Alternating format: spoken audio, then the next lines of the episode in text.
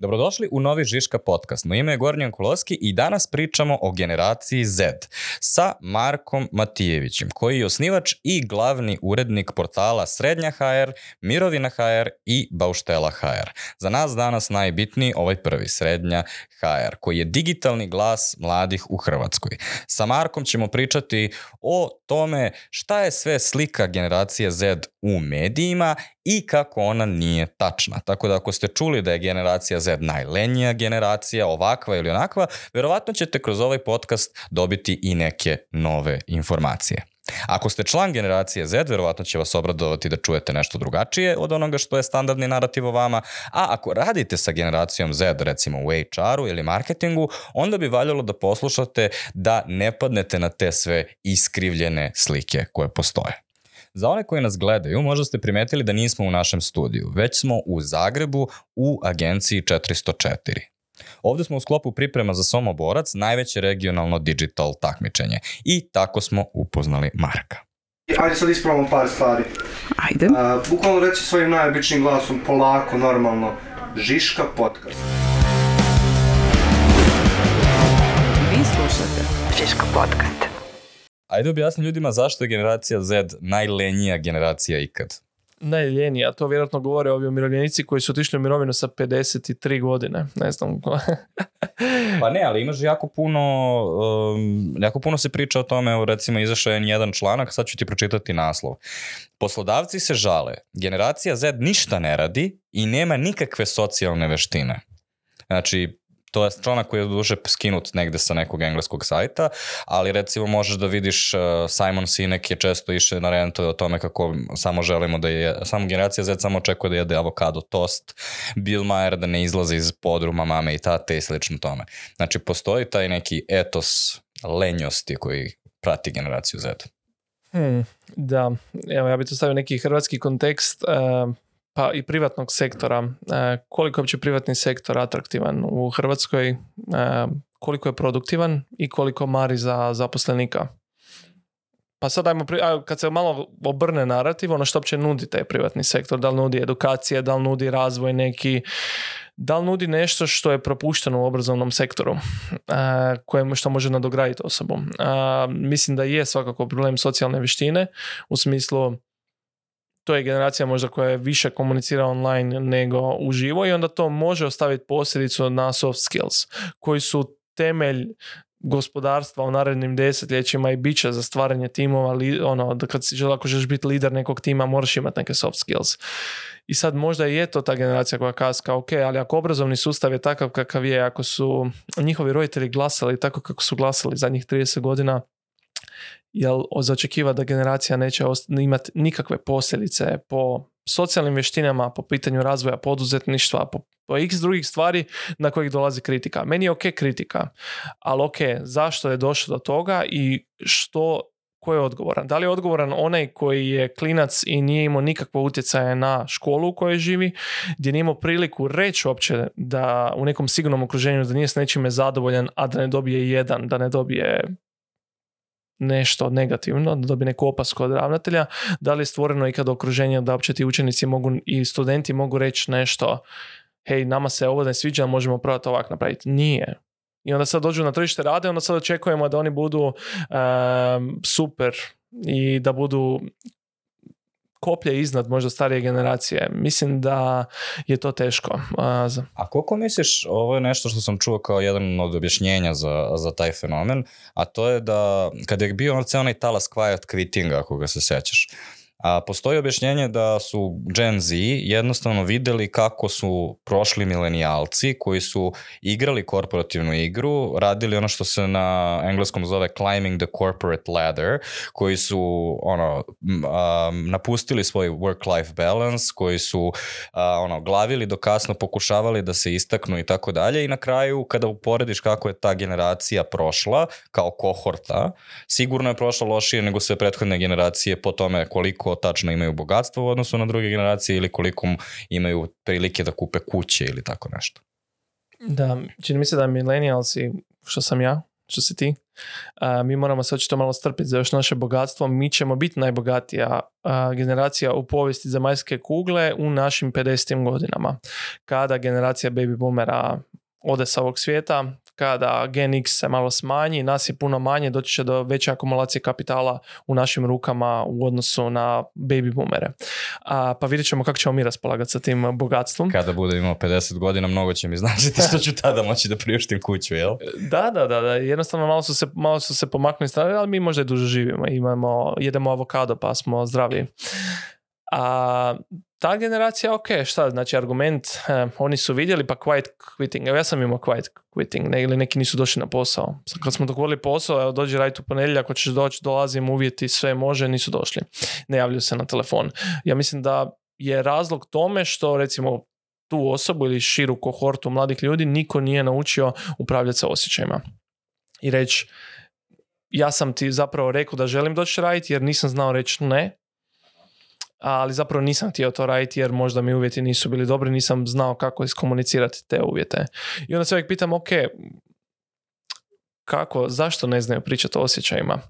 Pa gledam unazad dvije generacije koje, ne znam, možda jedna starija generacija od nas koja je prošla ratno, ratno stradanje, koja je izašla iz tog ratnog stradanja bez da je njih iko pitao kako se vi osjećate zbog tog ratnog stradanja u vezi vašeg PTSP-a. I onda razmišljam, ok, a ko je odgajao tu generaciju ljudi?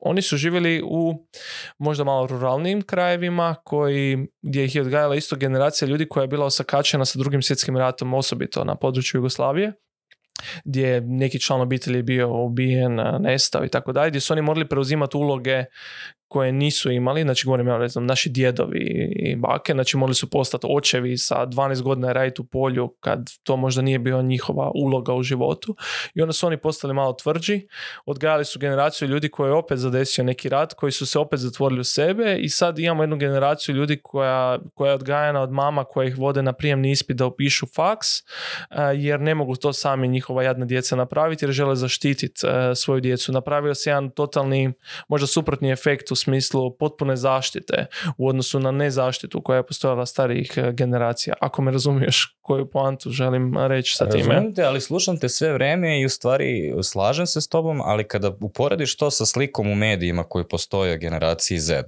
kao vidiš li da se ono, dosta se razlikuje. Ti si upravo naslikao neku generaciju koju prati generacijska trauma za generacijskom traumom.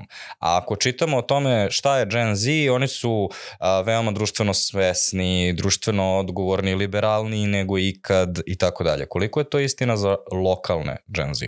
Ma, to me najviše živcira ta, ta generalizacija, to mi je baš ono, to me, to me jako zaboli kad dođem na neki skup i onda neko krene pričati o Gen z i onda onako ili fusnota ili uopće ne kaže da se to zapravo odnosi na istraživanja u SAD-u, da se to odnosi na neko tržište koje uopće nije naše da uopće to nema, ne, na primjer, evo kaže se često, to je generacija koja je e, sve više fit.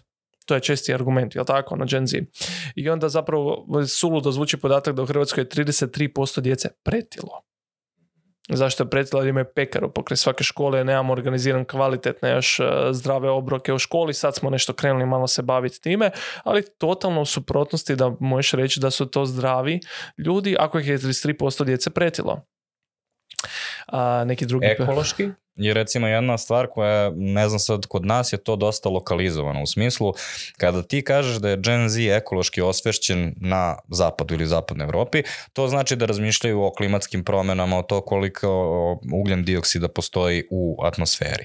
Kada kažeš lokalno da je neko ekološki osvešćen, to znači dosta ih brine kvalitet vazduha koji je recimo veliki problem u Beogradu kod nas. Ali apsolutno ne postoji neka šira svijest o klimatskim promenama i o tome. Da, svesni su toga, ali nije top of their agenda na način na koji je za neke u zapadnoj Europi. Pa mislim da je to jedan onak dvosikli mač. Možemo reći da Gen Z nominalno jesu zainteresirani za pitanje klimatskih promjena jer kad budu bogati u 50. godinima, 60. će e, morati razmišljati o tome kako će klimatske promjene utjecati na njih. Međutim, ajde ako baš hoćemo biti posve realni da su možda zelenije bile na, naše prabake od moje generacije. U smislu, moja prabaka koja je imala par kokoši, imala je svoj vrt, e, imala je, radila je zimnicu i nije trebala ići u dućan po sve živo. Mi smo pristali na neki komfort dućana, odlaska gdje e, sve u plastikama, da ono kupiš jabuku pa stavljaš, pa eto sad je neke fore su papirnate vrećice i tako dalje, ali to je opet dovezeno od negdje.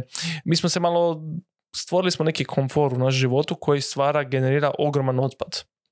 I sad, reći da ja brinem o klimatskim promjenama, ja brinem, ali u istom trenutku baš moram iskreno priznat da kupim u dućanu brdo plastike kad mi dođe dostava doma, ja ni ne idem u dućane, ja veliki sam protivnik toga, a, e, ali kad mi dođe dostava doma od svega, pa to sve bude sve plastificirano. I sad, jesam ja zelen, ne znam, da moja prabaka to bi mi se vjerojatno smijala oko toga. Ali nominalno jesu i razmišlja se o svemu tome jer glupo je govoriti o samo pojedincu da je pojedinac odgovoran da imamo i niz nekih industrija koje su zapravo vrlo vrlo odgovorne za eh, klimatske promjene eh, i mislim da je to generacija koja će raditi dodatni pritisak i da je napravljen već dodatni pritisak da se neke stvari promijene osobito unutar Europske unije eh, i da će se dogoditi značajni ekonomski shift prema zelenom u sljedećih nekoliko desetljeća i da će to biti pobjeda neke mlađe generacije. Ali da nastavimo ovu analizu kako se razlikuju od zapadnoevropljana naši regionalni uh, Gen um, jedna stvar koja je tačna za zapadnoevropljane to je društveni liberalizam. Ali ja mislim da to jeste tačno, ali potiče od mnogo niske baze. I onda su kod nas u stvari dosta društveno konzervativni Gen Zederi u odnosu na ono što možemo da vidimo. Znaš šta, mi pada na pamet, recimo? Uh, nova, e, nova sezona Sex Educationa, Odlično. Ne znam da li si gledao. E? Odlično, gledao sam. Ovaj, da, ali zamisli sad onu njihovu školu tamo, sa svim tim društvenim konvencijama i takvim oblačenjem, da li je to realno nešto što možeš da očekuješ ovdje u regionu? serija je odlična osim prvih par epizoda, to mi nije, nije baš ošila prvih par epizoda, onda kasnije na kraju je bilo dobro, čak je postala onaj surrealna malo na kraju. E, bilo je pretjerivanje u šarolikosti, ja mislim da je bila ono totalno fantazija, da ne postoji vjerojatno ni u zapadnom svijetu takva neka škola, i da je poanta bila prikazat sve neke mikroskupine. Međutim, e, čini mi se da serija ima jednu fantastičnu poantu koja je da čak i oni recimo oni terapeuti koji se bave seksualnim odgojem da i oni trebaju pomoć. Znači svi trebamo neki razgovor, svi trebamo neki pomoć. Čini mi se da je bolje pitanje koje si možemo postaviti je li moguće uopće razgovor o toj seriji u Hrvatskoj? Da li, ajmo reći ovako, šta bi bilo kad bi se ta serija počela puš, puštati u školama kao dio nastavnog programa? Ja mislim da to uopće nije realno, da bi to različite konzervativne skupine bi se digle na noge, i rekle ovo je apsolutno neprihvatljivo, ne želim djecu izlagati svom sadržaju, a opravo djeca gledaju na, na platformama taj sadržaj jer vabe ne vabe, žele, žude za tim sadržajem. Ja mislim da bi inercija također bila da pretpostaviš da su ti konzervativci uglavnom starije generacije, ali nisu obavezno. Kao, mislim da postoji i dalje jaka kohorta, kohorta u Gen Z-u ovde koja je konzervativna. To je ono što ja Da, da, da, ja ne, ja ne bi sad rekao da je isključivo da možda nije konzervativna u smislu neću glasati za neke tradicionalne stranke, ali tražim neke nove opcije koje su isto tako možda još malo konzervativnije zapravo nekih velikih e, e, stranaka, ali koje da, mislim da si u pravu. pokušavam razmišljam ono u glavi kad neka istraživanja o tome koliko mladi vjeruju e, i kome vjeruju. Onda ispadne da vjeruju u Hrvatskoj zapravo dosta vojsci, e, policiji, one tradicionalne odgovore koje ne bi možda očekivao s obzirom na ova na istraživanja o, o, o liberalizmu i cvijeća i igara i tako dalje. Da... kad zamišljamo liberalno društvo, to su obično ono, nordijske demokratije, jel tako? I da li misliš da bi recimo Greta Thunberg mogla da se desi ovdje? Pa ne, Greta Thunberg se nije desila u Zagrebu i nije se desila u Hrvatskoj, to je na to je jedan fantastičan primjer razlike koji se dogodio. Znači, Greta Thunberg je bila učenica koja je markirala školu da bi prosjedovala i dobila je podršku svojih roditelja i svoje škole. Zato, u Hrvatskoj kada su pokušani isti slični prosjedi, veliki pritisak roditelja na učenike, nemojte ići na to. Veliki pritisak ravnatelja na razini, dobit ćete opomenu, ne možete izostajati sa nastave, dva sata, jedan sat, boli nas briga, piše izostanak i to je to. učenički argument, ali ovo je nešto uistinu bitno i vrijednije od jednog sata i možemo jednom mjesečno jedan sat ili jednom tjedno jedan sat izostati, nije bio uvažen. Znači, mi imamo situaciju da imamo jednu globalno poznatu ličnost eh, Gret Thunberg koja je uspjela ne samo zbog toga kakva je ona, nego i zato što je okruženje dopustilo da bude to što je. A mi stalno imamo osjećaj da kao govorimo, uvjetujemo što želimo da budu mladi, a ne pustimo mlade da budu to što jesu. U, u Hrvatskoj ponekad bude važnije za mlade da je član možda politički glavno član stranke, nego da, da ima neko svoj e, stav. Bitnije je razvit stranačku mladež nego razviti ono neku društvenu svijest kod mladih. Mi nemamo imamo izlaznost na studentskim izborima ispod 10%. Sad to je jedan ono, primjer demokracije gdje bi studenti direktno koristili vjet, Znači glasaš za svog kolegu, kolegicu o bitnim studentskim pitanjima i 10% e, izlaznost na izbore. Nije samo tako. Namjerno je napravljeno da bude tako jer akademska zajednica nije htjela imati veći utjecaj upliv studenata u svoja pitanja i namjerno su urušavali cijeli demokratski proces. Nije to trajalo od jučer, trajalo je od Hrvatske. I sad kako to promijeniti?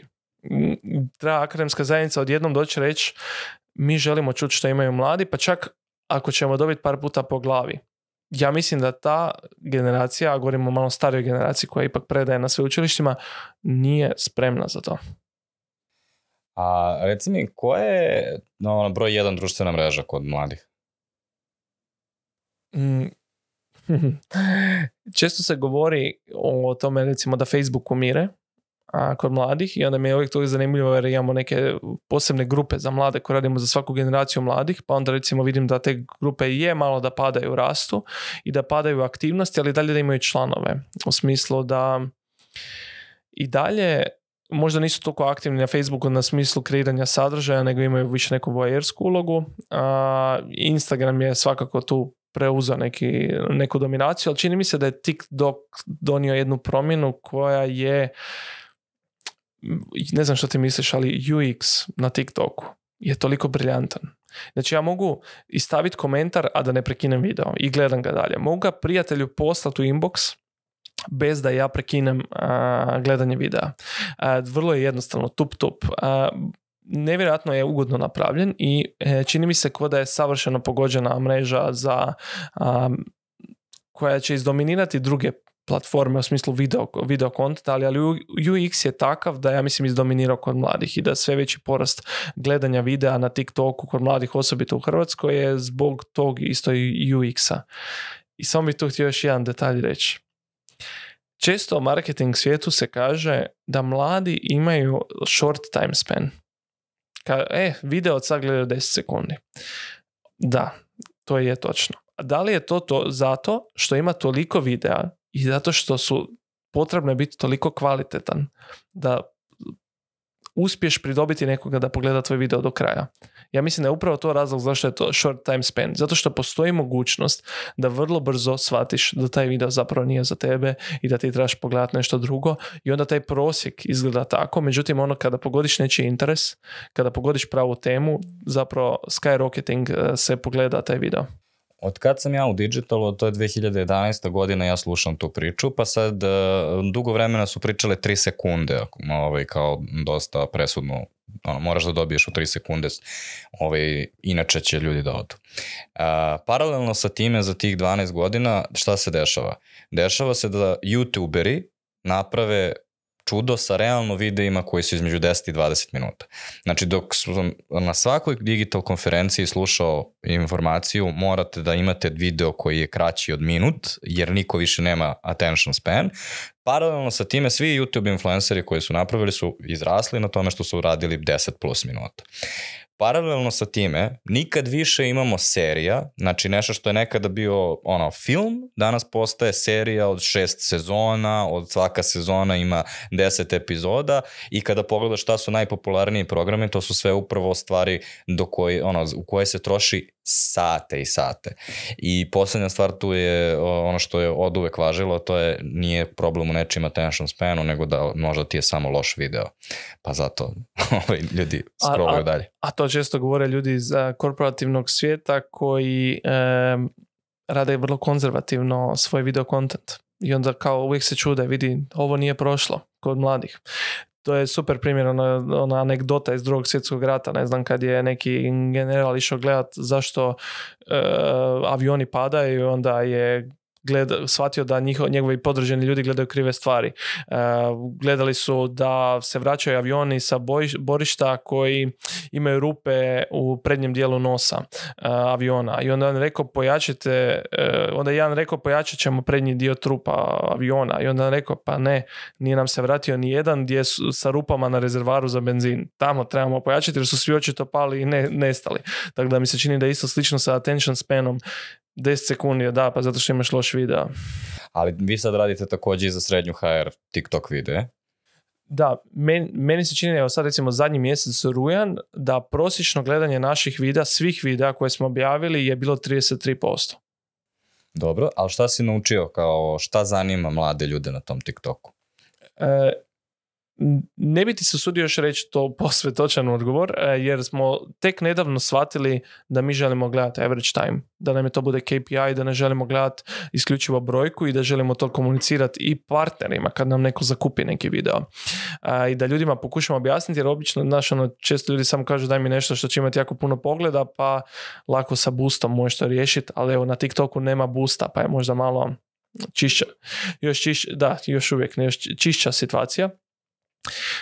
Pa naučio sam da jedna paradigma koja se događala u Hrvatskoj je to je da mladi vole isključivo zabavu na društvenim mrežama i velike medijske kuće koje su im nudili influencere, koji su nudili jako jeftin sadržaj, zabavnog tipa, ja bih rekao tabloidan, je ok, tu se popunio neki prostor i zanimalo je to ljude, međutim da to nije isključivo ono što ih zanima i da mi možemo napraviti video, evo neki jučer nebitno video koji smo objavili o maturi ili ne, ima u jednom danu 60.000 pogleda, ja mislim da ima preko 50% attention span, znači ogromne brojke, ogromni time spent o nečemu što niko drugi neće raditi na medijskom prostoru nego ćemo mi napraviti i mi dobijamo tu povjerenje sa ljudima i mi ne bježimo od zabave, čisto da bude sad da smo mi neki neko, da ja mislim da sad nešto što ponuditi ljudima zabavno da to nije zdravo je, infotainment je dio medijskog svijeta, međutim mi nudimo upravo to infotainment, dok možda drugi snude samo onaj dio. pa je to razlika između nas i nekih drugih. Ne znam da li si provalio, ali jedna stvar je sigurna na TikToku. Ako želiš da dobiješ preglede i ovaj, generalno zadržiš ljude. To sad da li ćeš ih zadržati zavisi od ostatka videa, ali moraš da pričaš o novcu. I ako kažeš zaradio sam milione u prvom, prve tri sekunde videa i izgledaš kao da jesi, verovatno ćeš dobiti dosta pregleda. Na primjer, jedan od najpopularnijih klipova iz ovog podcasta je Dario Marčac koji objašnjava koliko zarađuju TikTokeri na live streamovima. Ali odmah u početku je jasno da će se pričati o zaradi na live streamu. A, I generalno kada pogledaš znači ovaj talas i biznis podcasta i sada imamo Aleksa Hormozija koji je neki biznis influencer novog kova, deluje kao da je Gen Z daleko više fokusiran na novac nego ranije generacije. Da li misliš da je to fair? možda željni su onog što nemaju. pa možda je, mm. ovaj, ja bih opet otišao možda generacijska trauma, ja to tumačim na sledeći način. Um, milenijalci, moja generacija, su post-tranzicijici.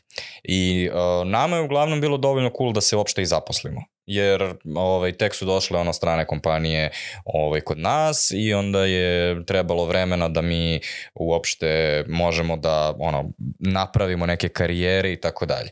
Međutim, generacija klinaca koja sada stupa u, u ovaj radni vek je e, verovatno dobila poruke od svojih roditelja ono, fokusiraj se na cash. Kao što smo mi dobijali nekad ono, uči, to je najbitnije ili tako nešto, kao danas mislim da je ono daleko instruktivnije koliko je tvoj financijski uspjeh bitan. Zanimljivo, da.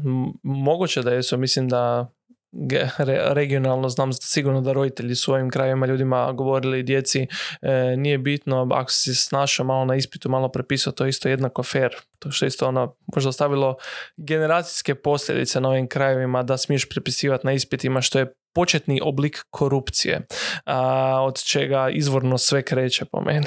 izvorno zlo u ovim krajevima. pa jesu li više orijentirani prema novcima? Je, pa ne pa znam. možeš da vidiš recimo um, ovaj, ono, muzika koja je sada, znači se bazira uglavnom na tome da bacaš koji su skupi brendovi ili skupi brendovi. Kao, toga je, ja mislim, daleko više nego što je bilo nekada. Nekada, da, postojale su druge stvari koje nisu bile obavezno dobre, kao što je, na primjer, uh, rodila si sina kralja kokaina, je kao ono bio banger u, u moje vreme, ali nekako možda nije poenta u tome kao naravno da će muzika mladih uvek da priča o stvarima koje su nekonforne starim generacijama, to je po prirodi stvari, ali zašto baš novac? Kao, zašto ne nešto drugo? možda zapravo, ok, super recimo, 60. Kao, tada su pričali o drogama, koje također nisu aspirativne, ali zašto je ova generacija baš priča o tom? Da, zanimljiva poveznica s glazbom, nisam to na taj način promatrao, možda je napokon kapitalizam došao u glavu tih generacija i u smislu zašto je ovaj video koji je najgledaniji vama koji je o novcu na TikToku, na influencingu, jer realno to je podatak do koje je jako teško doći koliko zarađuju ljudi na društvenim, nije baš da postoji ja mogu pogledati bilo koju firmu, javni izvještaj, koliko su prihodili, zaradili, ali tako, to, to nije tajna, to je zakonska obaveza svih firmi da objave na kraju godine, a koliko neki TikToker ob, zarađuje je dosta teško za saznat, pa je možda to ljudima bilo interesantno i možda ljudi vide, prate jako puno influencera koji uistinu zarađuju i ponekad i oni kažu takve neke stvari, onda je to s njima svima interesantno. Možda je zapravo to generacija koja je malo otvorenija po pitanju novaca, jer mi se čini pa ne znam da je tabu pitat prijatelje koliko zarađuju ja to nekad, ja ponekad kažem, ja, kažem svojim prijateljima kakva su moja primanja, nemam baš, ali ne dobijem baš neku povratnu informaciju često od e, njih. Uglavnom većina šuti na, na to pitanje. Možda je to generacija koja je malo slobodnija po tom pitanju, da, da, da može reći, gle, stanje je takvo, dobivam novce tako i tako, a zapravo mislim da bi trebalo zarađivati više ili tako. Možda osvještenija oko toga da uz primanja postoje neki rashodi koji su dio svakodnevnog života. A, jer ajmo realno, to je generacija koja je zarobljena kod svojih roditelja. Do 32. u Hrvatskoj, ako, ili 33. sada, možda već 34. Znači ti ne možeš otići od svojih roditelja i stvoriti neki život. Znači ti se osjećaš klaustrofobično možda u toj situaciji. Što ti može pomoći je novac. I sad ti razmišljaš realno o novcu zato što ti je to izlazi iz neke situacije da možeš imati svoj stan, neku kuću. Eto, možda sam odgovorio. Um, ali si lepo dao šlagvor za sljedeću temu, a to je kako Gen Z posmatra poslove ovaj, i odnos između nove generacije i radnog mesta, odnos između radnika i poslodavca je nešto što se zaista menja u posljednje vrijeme. Kako vidiš da se sve promenilo? Pa vidim, mislim da si ti zapravo rekao super da Eh, mi smo neka tranzicijska generacija koja je jedva čekala neki posao i radili smo bilo što i bilo je, evo ti neki novci, kažeš da, nije bilo uopće razina pregovora koja je trebala postojati jer već to je bilo vijest da imaš posao i da nešto radiš i nešto si malo zaradio i to je to.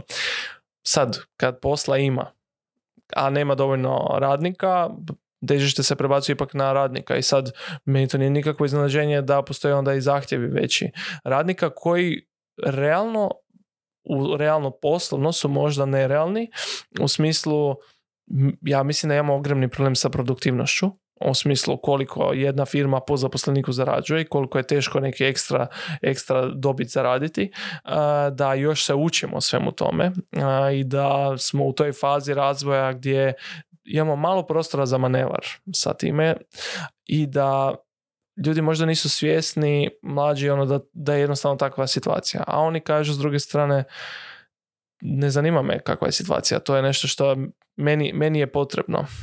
Ali e, jedna stvar koja se e, često čuje kao žalba jeste nerealna očekivanja od plate.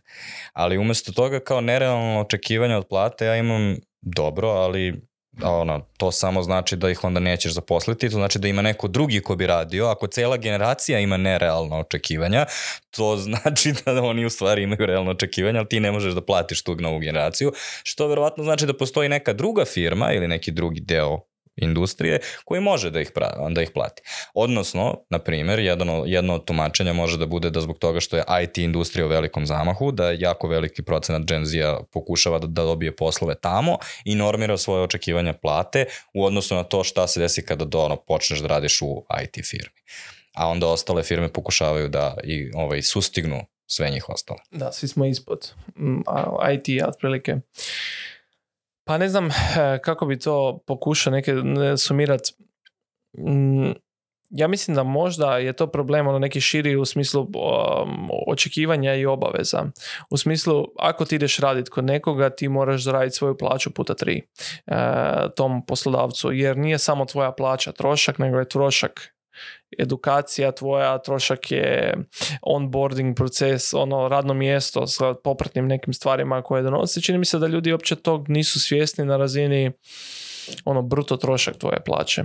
I čini mi se da je onda iz tog nekog neznanja onda događa se i evo ja želim tu, tu plaću, ne znam sada evo neko hoće plaću pol eura, a prosječna plaća u Hrvatskoj je ne znam 1250 eura, ok jel mi moj, ja mislim da bi pravo pitanje poslodavca trebalo biti na takav zahtjev koji je nerealan, ok može, evo ti ta tri mjeseca plaća, očekivanja su takva i jer realno očekivao možda neka osoba kroz to vidi. jer to je možda prvi kontakt sa svijetom ako tebe mama vodi na prijemni. Opet se vraćam na tu mamu na prijemno koja te drži u balonu. Ne kažem da je to cijela generacija takva. Ali ako ti cijeli život malo prepišeš na ispitu da ti bude bolje, pa ti mama žica ocjene u školi da upišeš bolju srednju školu. Pa na faksu koristiš chat GPT da malo skemijaš, a da uopće nisi ni razumio seminarski rad pa profesor ni ne dolazi na nastavu i tebe boli briga zapravo shvatiš to kao priliku za kavu, a ne da si propustio priliku i onda dođeš u radni svijet i onda kažeš daj mi 1500 eura, a, a koja su a šta ti ja mogu ponuditi? A ne znam šta ti mogu, mogu ponuditi. Možda nerealnost dolazi iz nerealnosti svijeta u kojem su oni bili okruženi, u kojem su odrastali cijelo vrijeme. Ako je zapravo su svi svjesni svi to stavljaju po tepih, sve te probleme. A da li je ovo što govoriš o stvari priča koja postoji od pamtiveka i prirodna potreba svih generacija da uzdignu sebe i da pričaju o tome kako su nove generacije sklone propasti. I pročitat ću ti sad citar, citat od Aristotela iz četvrtog veka pre nove ere. Mladi su umišljeni jer ih život još nije naučio da budu skromni, misle da sve znaju i uvek su jako sigurni u to. Horacio prvi vek pre nove ere. golobrada mladež baca pare, ne uspeva da vidi šta je korisno. Ja iskreno ne vidim nikakvu razliku između onog jedan 1 članka koga sam ti pročitao na početku i ovoga. Deluje mi kao da se istorija ponavlja što se ovoga tiče. Uvek su mlade generacije problem, ne samo Gen Z, nego neke mlade generacije koje su trenutno aktualne. Pa mislim da je to točno, jer Aristotel je jedan u nekom smislu da... Ko sam ja da kažem da, da. Pa čini mi se da, evo ja ću krenuti od sebe, da sam ja nešto naučio iz svojih grešaka i da zapravo te greške nisu, su došle kad sam postao sve više stariji. Da, kako, kada čovjek uči, ja mislim, čovjek ne uči baš iz uspjeha, nego kada dođe pred neki zid, napravi neku grešku i onda iz toga, ako je dovoljno samosvjestan, može napraviti dve, tri lekcije i postati bolja osoba. Zašto mi očekujemo od nekog ko nema iskustva životnog da razumije da pare baca bez veze? Mislim da je to surrealno očekivanje. ja sam bacio isto jako puno novaca u poslovnom smislu na neke stvari koje nisu imale glavu i rep jer nisam znao bolje. I sad Aristotel bi za mene vjerojatno to rekao. Ja sam eto, naučio neke stvari pa ću biti malo bolji. Međutim, da li ću ja uspjeti naučiti svoje dijete da nauči iz mojih grešaka, to može jako mali prosjek, procenat ljudi napraviti da uči tuđih grešak, uglavnom te najviše učiš kad tebe zaboli. Tako da ja mislim da, kako da kažem, sad ćemo imati očekivanja da su oni jako pametni, da sve znaju, a realno ni, Mislim, evo, evo 10.000 eura tebi sada i 10.000 eura tebi prije 10 godina. Ja bi bio bolji sada sa 10.000 eura nego prije 10-15 godina. Ne znam što bi radio pre 10 godina kada sam bio mlad, onda ne bih imao vjerojatno plan investiranja i tako dalje, ali... Nisam, bi pare. ne znam da li bih, možda bih samo stavio sa strane, ovaj, ali kažem, ja nisam ta generacija, tako da ko zna, a i atipičan sam siguran za sobstvenu generaciju. A, koliko stvari su e, objektivne, koliko su kulturalne? Recimo jedna stvar koju si rekao kada smo mi ulazili na tržište rada, ja se sećam kada sam ja ulazio, nezaposlenost zvanična statistika je bila između 25 i 28%. Danas je zvanična statistika 12%. Ali postoji nešto što se kulturalno još dodaje na to, jer recimo odnos mladih ljudi prema prekovremenom radu se totalno u odnosu na prethodnu generaciju. Znači, u, milenijalcima je bilo nekako, ne znaš, kod nas i postojao izraz radiš kod, privatnika. I to je značilo da radiš ono stalno preko tako je. Ali danas ono aj ono nije možda ni quiet quitting koliko je ono nekako postalo normalizovano da ćeš ono spustiti olovku u pet i tako dalje da baš razmišljam o tom odlasku u 5 s posla, na nešto ako neko dođe u 9 i onda baš u 5.00 završi s poslom. Bilo bi mi čak poštenije da neko završi u 4.55 i onda sljedeći dan u 5.03 jer je apsolutno nemoguće završiti s poslom u 5.00 kažem, ne znači to da ostaneš pet minuta duže, čak da ostaneš pet minuta kraće, evo, gotov si taj dan, jer nemoguće isprogramirati to. Čini mi se kao da je onako to malo neki robotski stil razmišljanja, ja ću pet i sad ću odmaknuti tu olovku i da neću više imati posla sa tim radnim mjestom. A to je onda opet pitanje, na kraju dana će poslodavac e, vidjeti da neko ostaje duže, malo radi, prepoznaće kod nekoga, a nekom možda nije dovoljno to bitno. I to mi isto ok. Ali više je kao da je kulturalno njihovo očekivanje dosta drugačije nego prethodnih generacija. Nekako, um, uvek, ovaj, da ja ti sedimo i razgovaramo na pivu i ti kažeš, au brate, radio sam 12 sati svaki dan ove ovaj, prethodne nedelje, u mojoj generaciji pre 10 godina bi, ono, ja rekao, uh, teško a danas bi nekako svi odreagovali u fazonu ti moraš da promeniš posao, kao to je loše po tebe, ovo, ovo nije zdravo i tako dalje. Nekako imam osjećaj da se diskusija ipak dosta više otvorila. Pa to mi čini se okej. ne zvuči mi to toliko loše, ovako još osobito kako si ti prezentirao.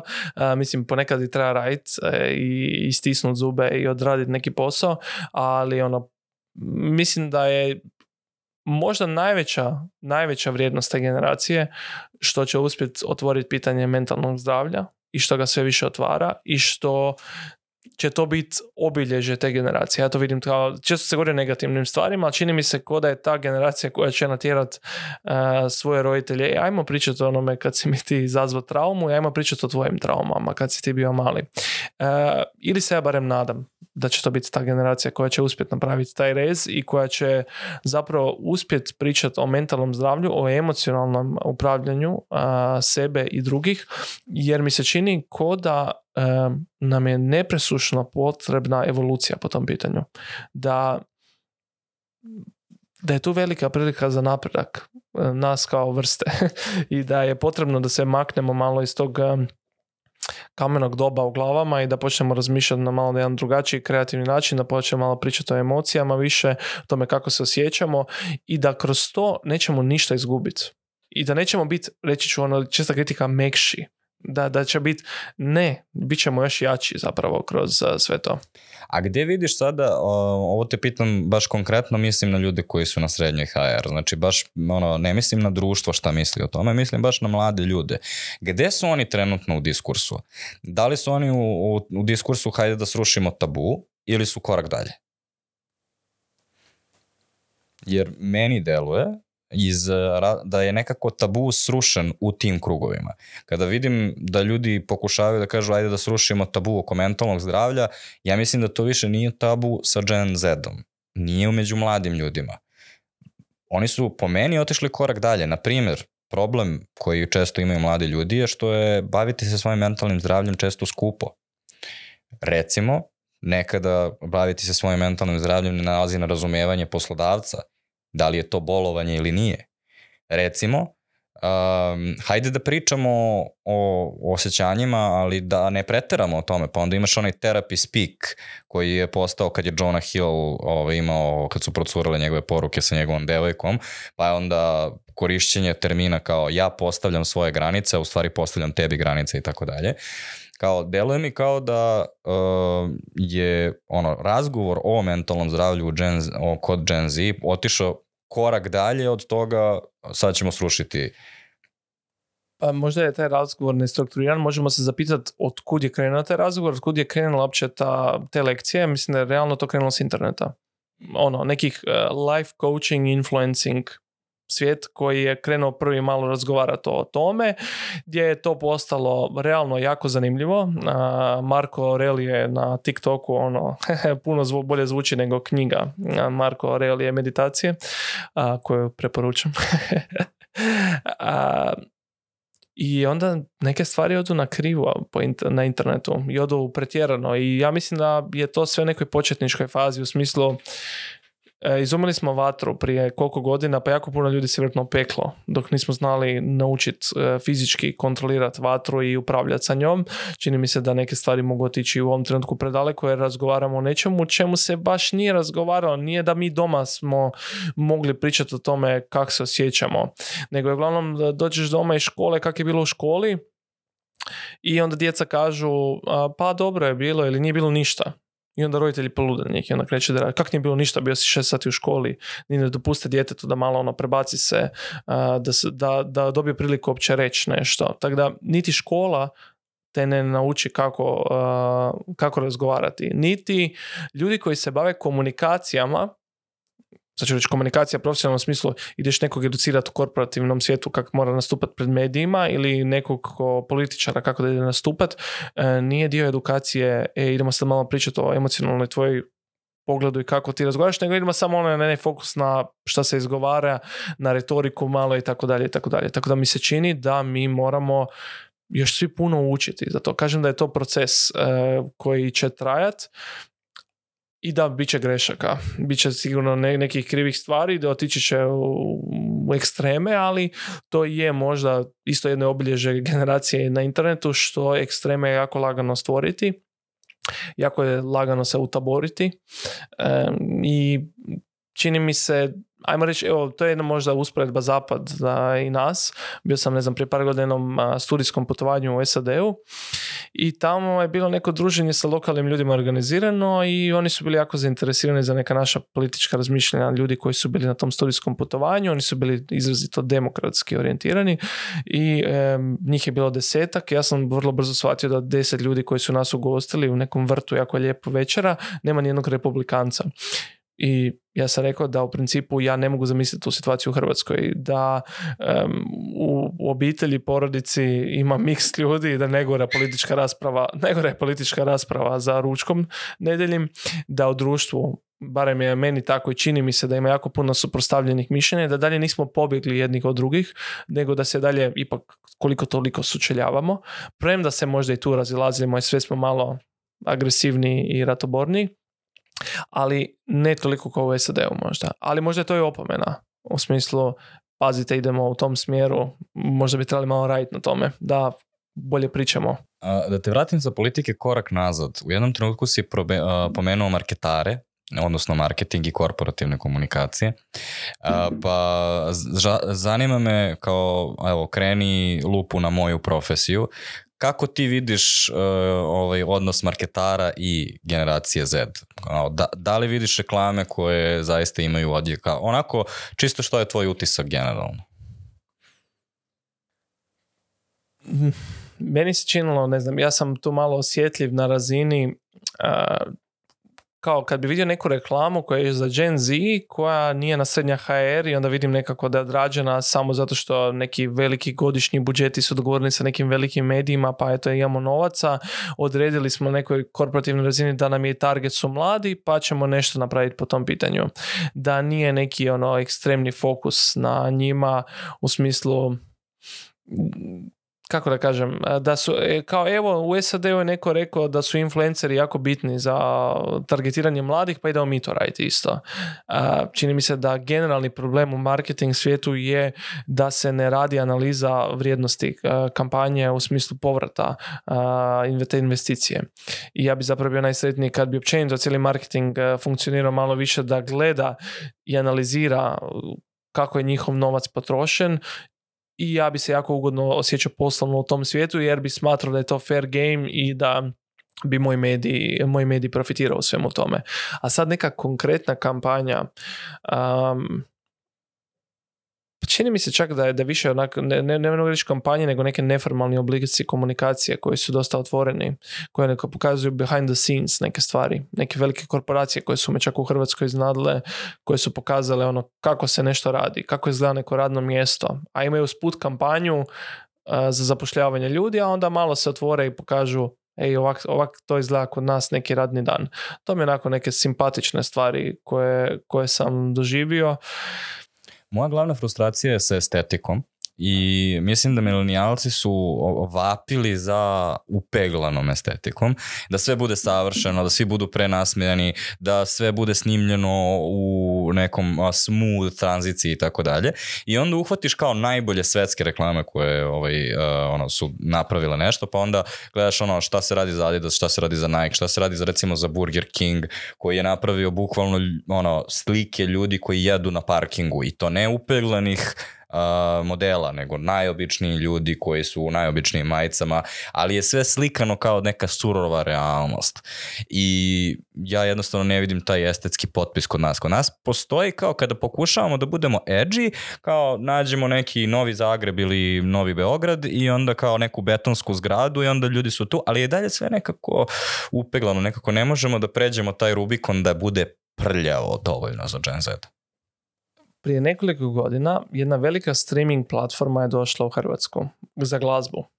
I mi smo dogovorili video native.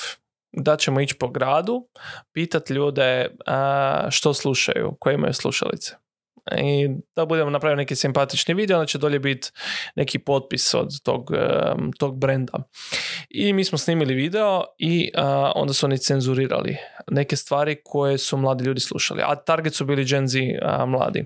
Uh, cenzurirali su cajke, i cenzurirali su e, jednu pjesmu Thompsona koja ni po čemu nije e, problematična i koja postoji u toj platformi. Kao da se može puštat. E, to bi meni bila savršena, um, u stvari imam jednu priču koja savršeno opisuje isto to. Uh, dolazi mi brief i ovaj, u briefu stok fotografija na plaži, probija sunce, oni presrećni nose surf daske, svi su mladi, zajedno su i tako dalje i ja iskopam sa Instagrama fotku našeg Gen Z-a, oni na haubi BMW-a sa dva Jack Danielsa, a ovaj iza njega ovaj, drži cigaru i fleksuje iza. I ja rekao, šta je razlika između onoga što vi mislite da je Gen Z i to šta je Gen Z ovde, eto.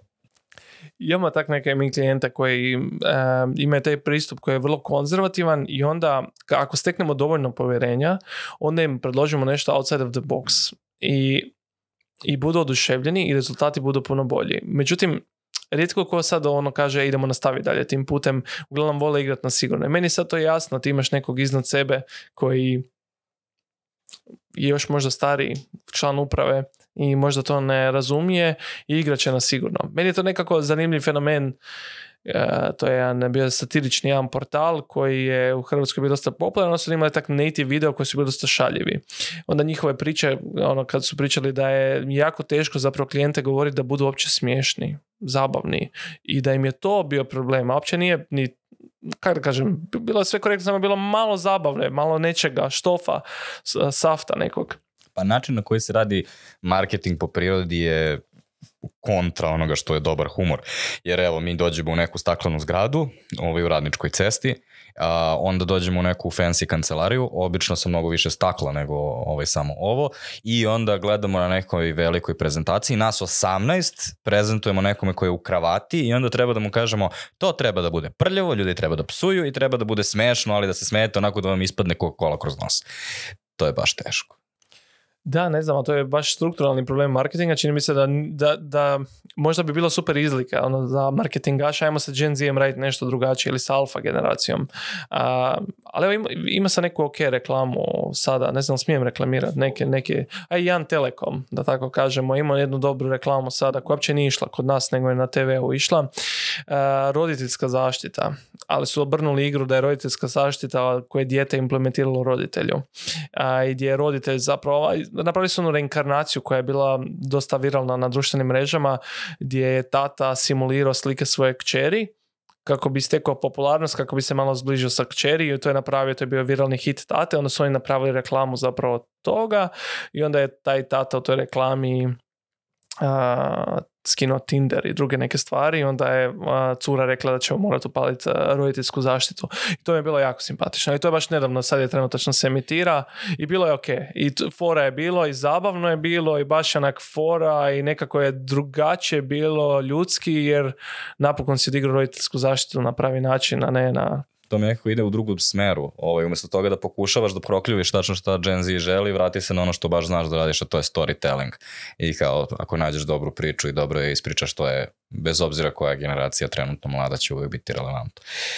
Um, pre nego što pređemo na Gen Alpha, Uh, šta te je najviše iznenadilo? Šta je neki trenutak kada si objavio nešto na srednje HR i onda je to eksplodiralo, a nisi očekivao? Ili šta je nešto što si mislio sigurno će radi, a onda nije radilo? Ili šta je nešto su ljudi pokupili i javljaju ti se, a nisi očekivao? Da, kod, baš konkretno na Srednja HR ima jedan kultni tekst koji je nas digao u principu da možda bez toga ne bi bilo firme.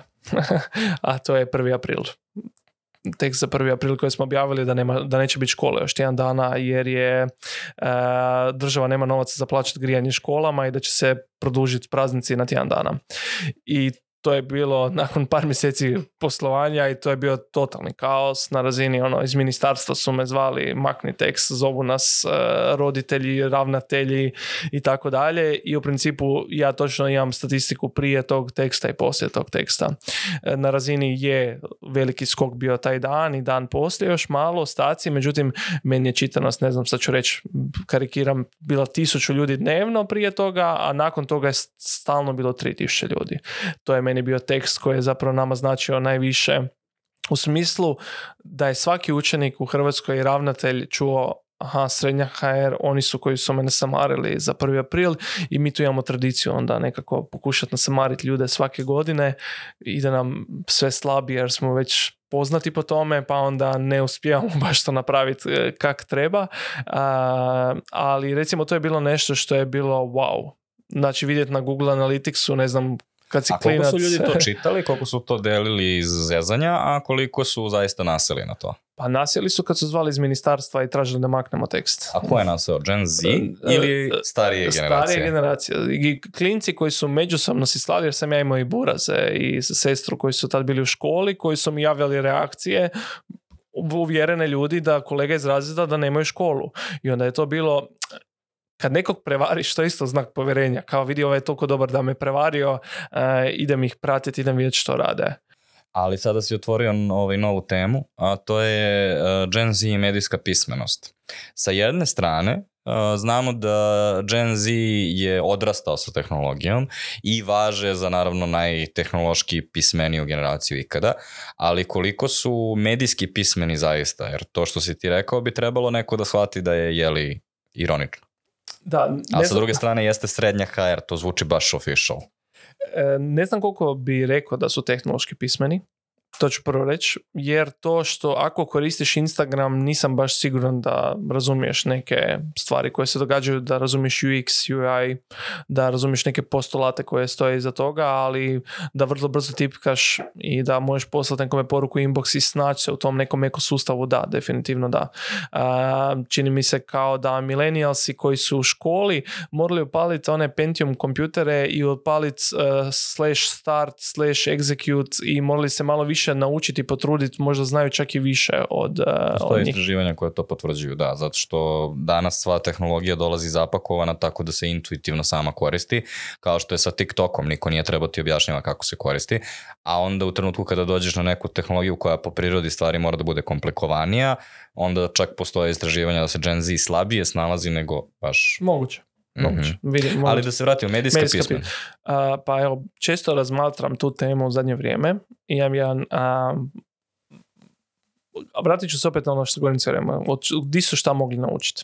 Mi smo prije imali medijsku pismenost koja je dolazila iz obitelji, gdje tebi roditelji su čitali novinu i ti si vidio da roditelj čita novinu i onda si ti tata bi nešto komentirao s mamom i tako dalje, onda bi nešto ti tu pohvatao malo. Ja sam odrastao u takvom okruženju, ja čitam, e, čitao sam po dvije novine e, svaki dan i zapravo je to možda i razlog zašto se bavim medijskim poslom jer sam imao jako dobar medijski odgoj i u srednjoj školi bi markirali jedan sat i pročitao bi tri novine, večernji, jutarnji, sportske i sve što je došlo pod ruku i cijeli raz, pola razda je to radilo. Danas to nemaš jer je intimno malo kad nešto scrollaš, gledaš i tako dalje, međutim možeš slat linkove i malo je možda teža ta neka medijska pismenost unutar obitelji i zapravo ni škole baš ne rade po tom pitanju i mislim da ni profesori su nekako odustali od te medijske pismenosti, ali što sam ja kao medij napravio za medijsku pismenost? Ništa. Budimo realni, ja jesam realan sam sa sobom, kao što mislim da ni drugi mediji nisu ništa napravili mi svi očekujemo da drugi budu medijski pismeni sami od sebe.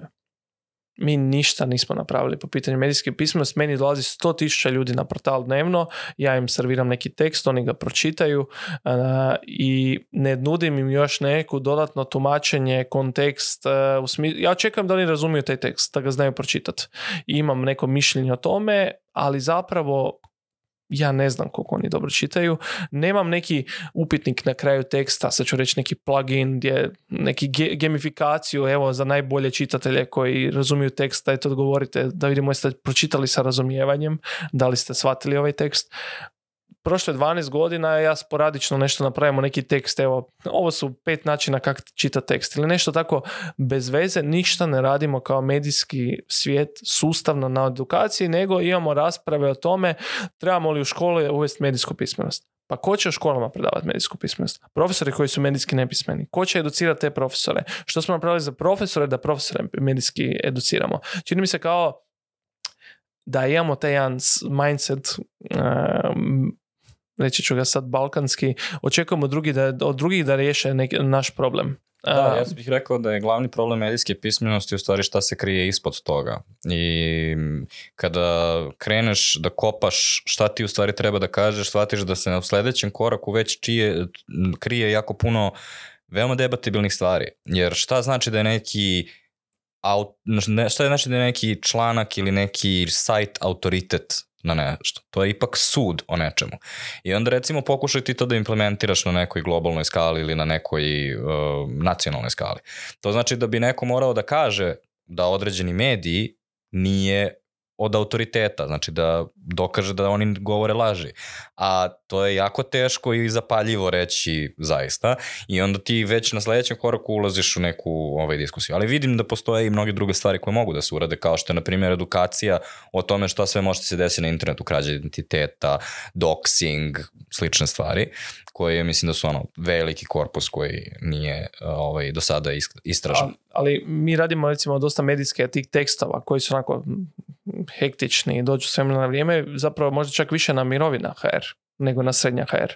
Zato što je to generacija koja je zapravo najveća žrtva e, prevara na internetu. Više nego mlađa. Jer mlađa generacija je već vidjela one troll poruke, koje se pojavljuju ispod komentara na društvenim mrežama i zna ih možda prepoznat da je to fake. Dok možda starija generacija još ne zna. Mi se zapravo mi imamo policijske izvještaje na dnevnoj razini gdje je eh, umirovljenica od 85 godina oplatila nekome 20.000 eura eh, jer je ovaj tražio pomoć iz Velike Britanije. Zanimljivo, ali u stvari najranjivija Uh, generacija za online prevare su u stvari Gen Zederi, zbog toga što su najviše online i onda silom ovaj, čisto uh, law of large numbers. A najzanimljivija star koju sam nedavno ovaj, pročitao je, da li znaš ko, ko je Mr. Beast, to znaš, a Colin and Samir, ne. Samir su dva podcastera i likovi koji ono rade dosta o kreatorskoj ekonomiji, ovaj edukuju ljude. I onda je sasvim prirodno da se oni sastanu međusobno.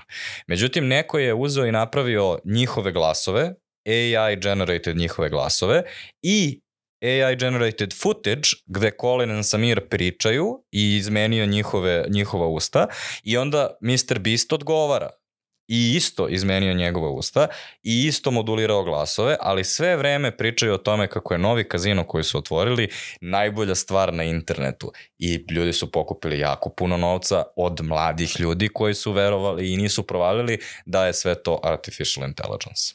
Mm, wow, da, išli su na nekog influencera koji je poznat mladima i napravili su možda dobar posao i napravili su haos. Bukvalno, sam jer su morali da idu FBI da objašnjavaju da to je, nisu oni. Tako da to se desilo prošle nedelje, zanimljivo je to. A, dobro, pokrili smo Gen Z, a sada pitanje za budućih milion dolara je da li možeš nešto nam kažeš šta nas čeka sa generacijom alfa? Uf, Uh, čini mi se da, da recimo to je, kak, šta moramo reći da millennials, ajmo, samo korak unatrag, millennials generacija je možda pionir možda na internetu, da to tako kažem, u nekoj većoj mjeri, u većem broju i mi smo možda otkrivali, stvarali neke stvari. došla je neka nova generacija koja je zapravo više bila orijentirana Gen Z na društvene mreže, jel tako? Ono, više, više su bili aktivni, više su bili content creatori, a ova sad generacija koja dolazi možda je zanimljivo što neće ni znat kako je bilo prije. To će biti ona neka specifičnost. Jer čini mi se da millennial generacija je kadra pričati međusobno i sa onim starijima i imati tu neku poveznicu.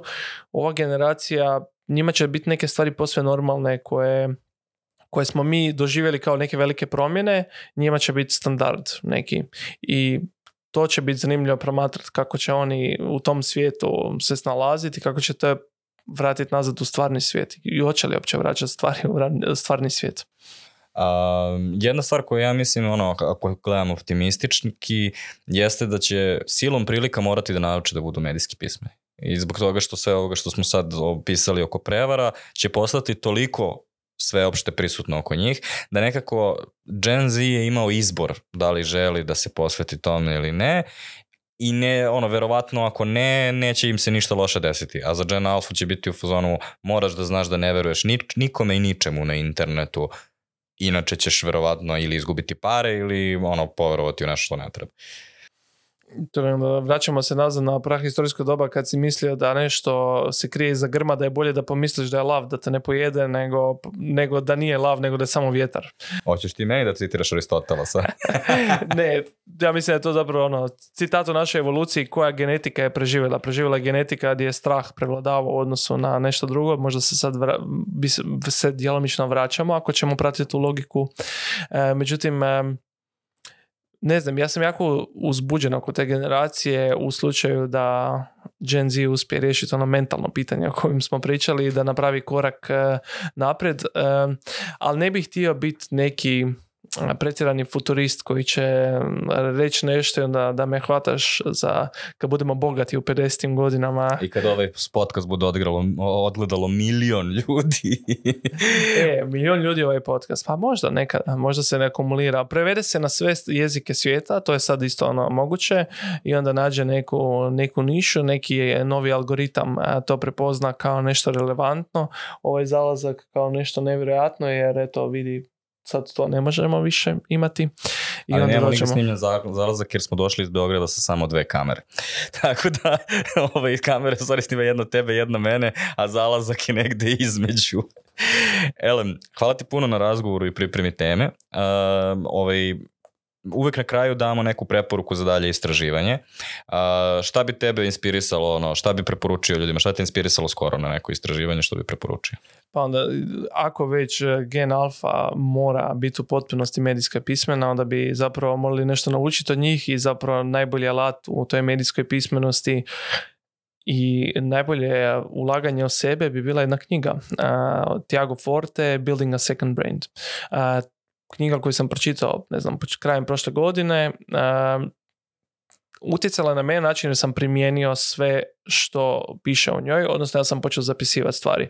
Pa evo napomenuo sam i tebi prije s početka ovog snimanja da možda nisam imao vremena pripremiti se za ovo, međutim ja sam otvorio svoje bilješke na mobitelu, e, opisao Gen Z i izbacilo mi je tri neke ozbiljne note o nekim sumirano šta je, neke stavove koje sam već imao formirane prije, malo sam se podsjetio i zapravo više ništa ne radim bez da ne zapišem. Ako čitam knjigu, konstantno zapisujem detalje iz neke knjige, a ako imam neku pametnu misao, grupiram je pametno u neke misli vezane uz posao i trudim se zapravo u ovom podražajnom svijetu informacija nekako uvijek na kraju dana sublimirati ih ili u tijeku dana odmah kad se dogodi, posvetiti malo ekstra vremena da izvučem taj ekstrakt e, najboljeg što sam dobio, da e, mogu to e, preporučiti sam sebi u nekad u budućnosti kad će mi trebati. Hvala ti puno još jednom. A vi ako ste stigli do ovde, onda vas vjerojatno generalno zanimaju teme o tehnologiji, pa potražite na YouTube playlistu Žiška o digitalu, gde možete čuti još mnogo o ovakvim temama. Imate i epizodu koja se bavi generacijama generalno, pa onda pričamo o tome da li je ova podela na generacije dobra ili loša, precizna ili neprecizna i ovaj, to je nešto što možete poslušati već sada. Želim vam do slušanja jer podcaste niko ne gleda. Ajde sad ispravamo par stvari. bukvalno reći svojim najobičnim glasom, polako, normalno, Žiška podcast. слушати. Фішка подкаст.